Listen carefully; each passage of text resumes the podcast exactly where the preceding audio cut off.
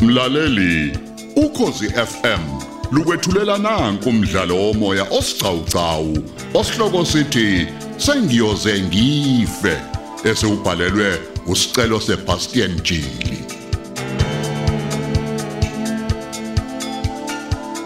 Isiqephu seshumi nesikhombisa.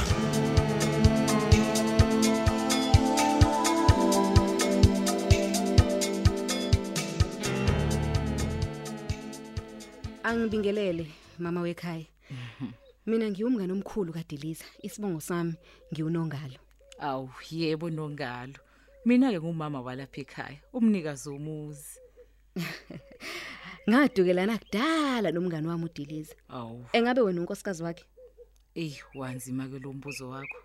Angazi noma ngizothi ngunkosikazi wakhe noma ngizothi angiyena. Awu. Kwavele kwacima ibanike kumina. Awuhlaziye kahle ujule.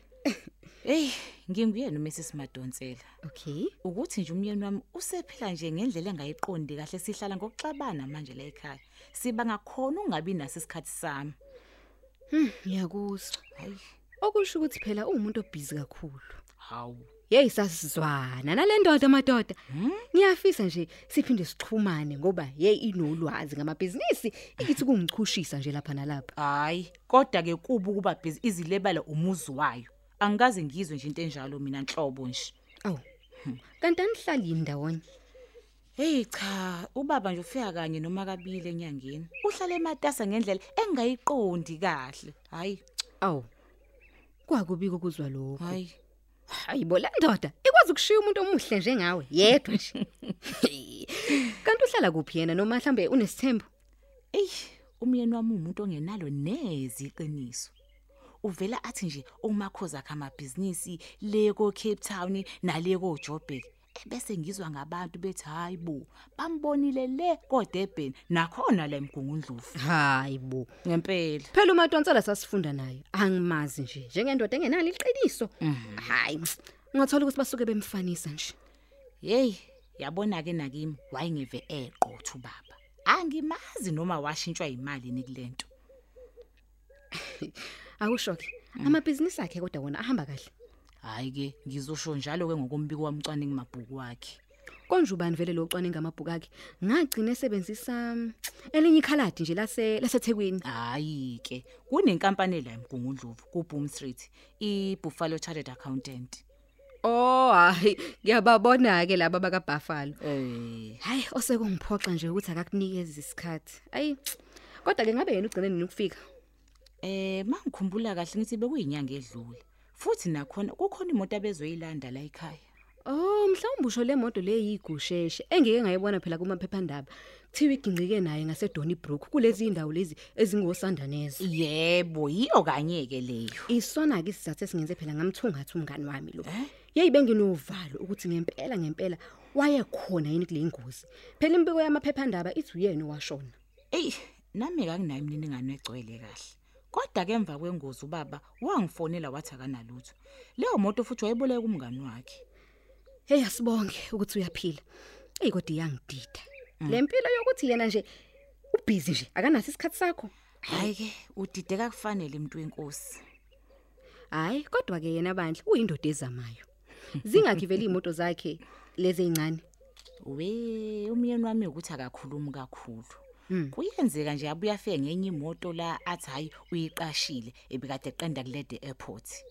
Ngigcina mina nje hayi ubaba angisamqondi ngempela ukuthi kwenzakalani ngaye. Kodwa ke engineqiniso lazo ke, hayi zinhlanu imoto anazo baba.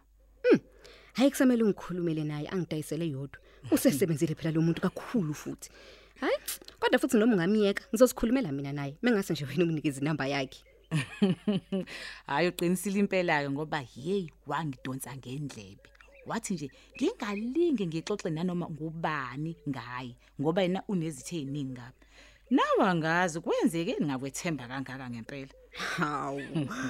Uyazi kodwa ngicabanga ukuthi negazi phela belizokutshela. Ukube bengiyisigebengu. Hawu ubuzovela usindeki. Nina isikhathi singakanani vele nishadile?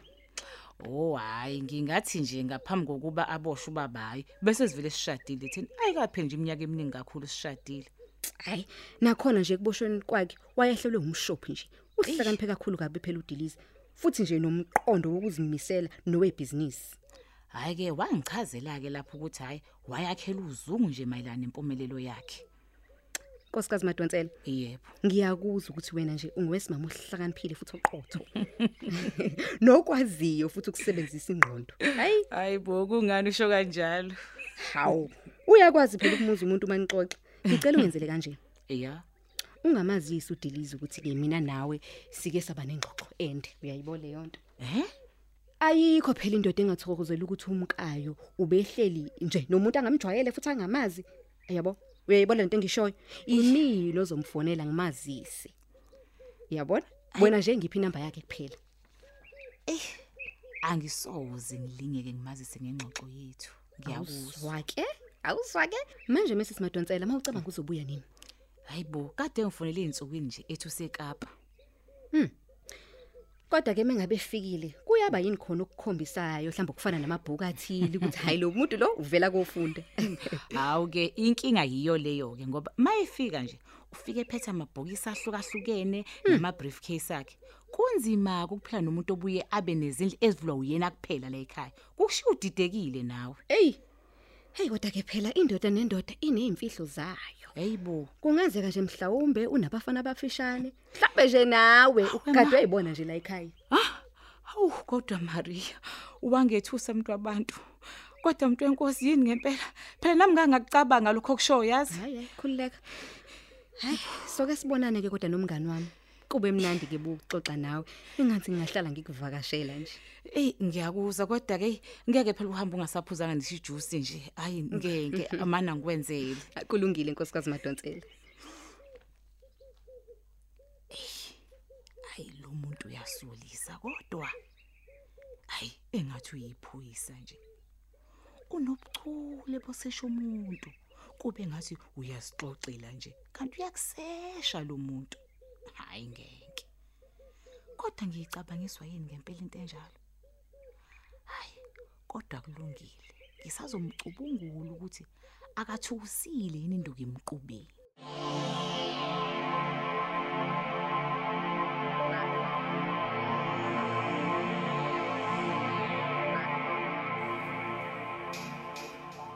Sayitshencela. Yebo. Kuzomela sisebenze kanzima mfethu ukubuyisa isithunzi sethu. Sisebenze ngamandla amakhulu. Hayi, ngivumelana nawe ke captain. Ayihloma ihlasele. Uyazi kukhona nabanye abazama ukudicelela phansi igama lalesiteshi sethu. Hawu. Akade bebhale kwelinye ikhasi ezinkundleni zokuxhumana. Mm, hayi ke. Kade sebethini labo ndaba zabantu? Hey. Babhala ukuthi awukho umsebenzi walesiteshi. Hawu.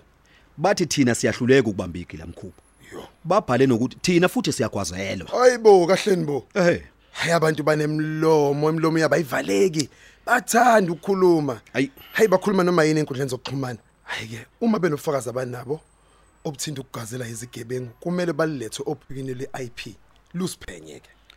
Hayi, mfethu uqinisile lapho ngoba akekho umuntu ongaphezulu komthetho. Hey. Yabona kulomsebenzi, uvela usolwe nje noma ungenzanga lutho. Uyazi Ndozi, ngizwa kuthiwa nomongameli wezwe ufuna umbiko kuminister wezokuphepha na kuminister lokuvikela kwezwe. Kanjalo nolozobulungisa ukuthi kwenzekani ngamacala abucayi.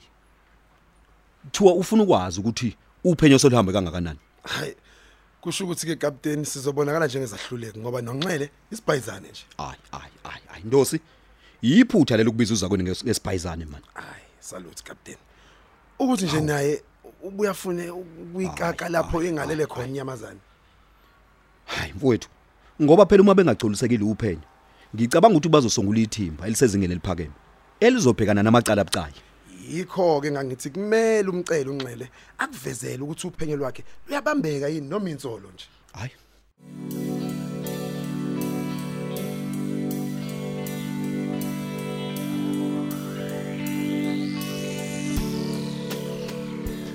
lalelani ke igebengu zami kadena mahomoshesi kukhona u10 million olahlile ngifuna ulando komunye ugogo. Hey.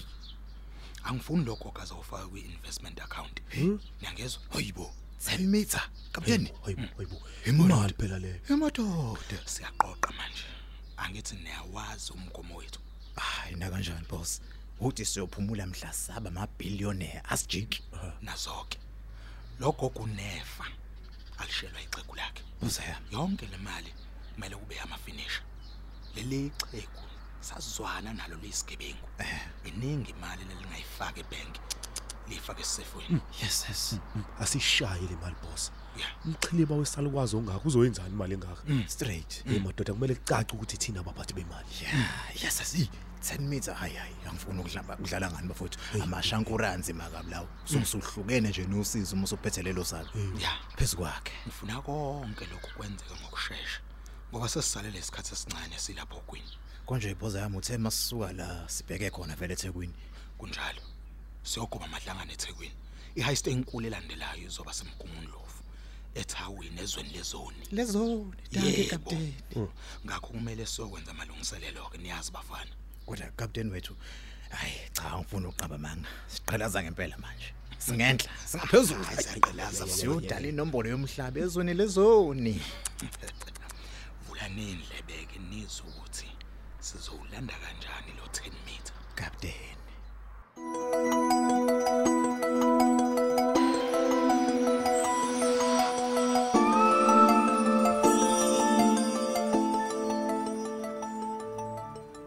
Engifuna ukukuthembisa khona kapteni Mhlongo Ngilalela. ukuthi ubufakazi obukhona manje kwidokodo bunamandla kakhulu kanti futhi ngayigcwelisa inkantolo.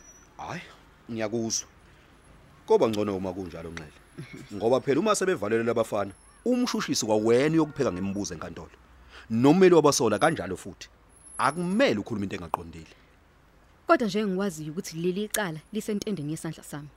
Kumele na kanjani uhlangothi lombuso ulinqobe. ya futhi kumali balahlile kumele kubathola udile kajela akukho ku Hawa geji kapteni. Uma ubheka ngokwe common law amacala amadala nanokuthi ke ijaji lakhipha yipi judgment uyabona ukuthi hayi kungaphezulu kaDeliza. manje umeke kwenxele njengomuntu oseliphenya isikhathi eside leli icala ikupho okubonayo ukuthi lokhu kuyokugculisa enkantolo Kapteni wami. Noma kuyoyigculisa inkantolo? Kapteni, uyabona uma ulandela igigaba lapho phela esahlaselwa khona la estation. Lo mfana lo owadubule kuJombo uyamkhumbula yena. ya imina phela omhlakaza ngenhlamvu. Hey wenxele. Ngangithi ngiyamgoga lo mfana. Khona ezolikhipha lonke iqiniso leli. Lowo mfana ke kapteni. Useqenjini elilodwa noDelisa. hayi hayi hayi ukuthola kanjani lokho Hawu, ngikuthole kwama footage lawa ase toll gate. Ngenkathi ngidubuleka mina waye khona naphambi kwe supermarket futhi eSteng. Ugqamile kakhulu. Okusho ukuthi ke yiwo amaketshane kaDelisa. awunxele nganya kwethu uyazi ususebenzileke manje wena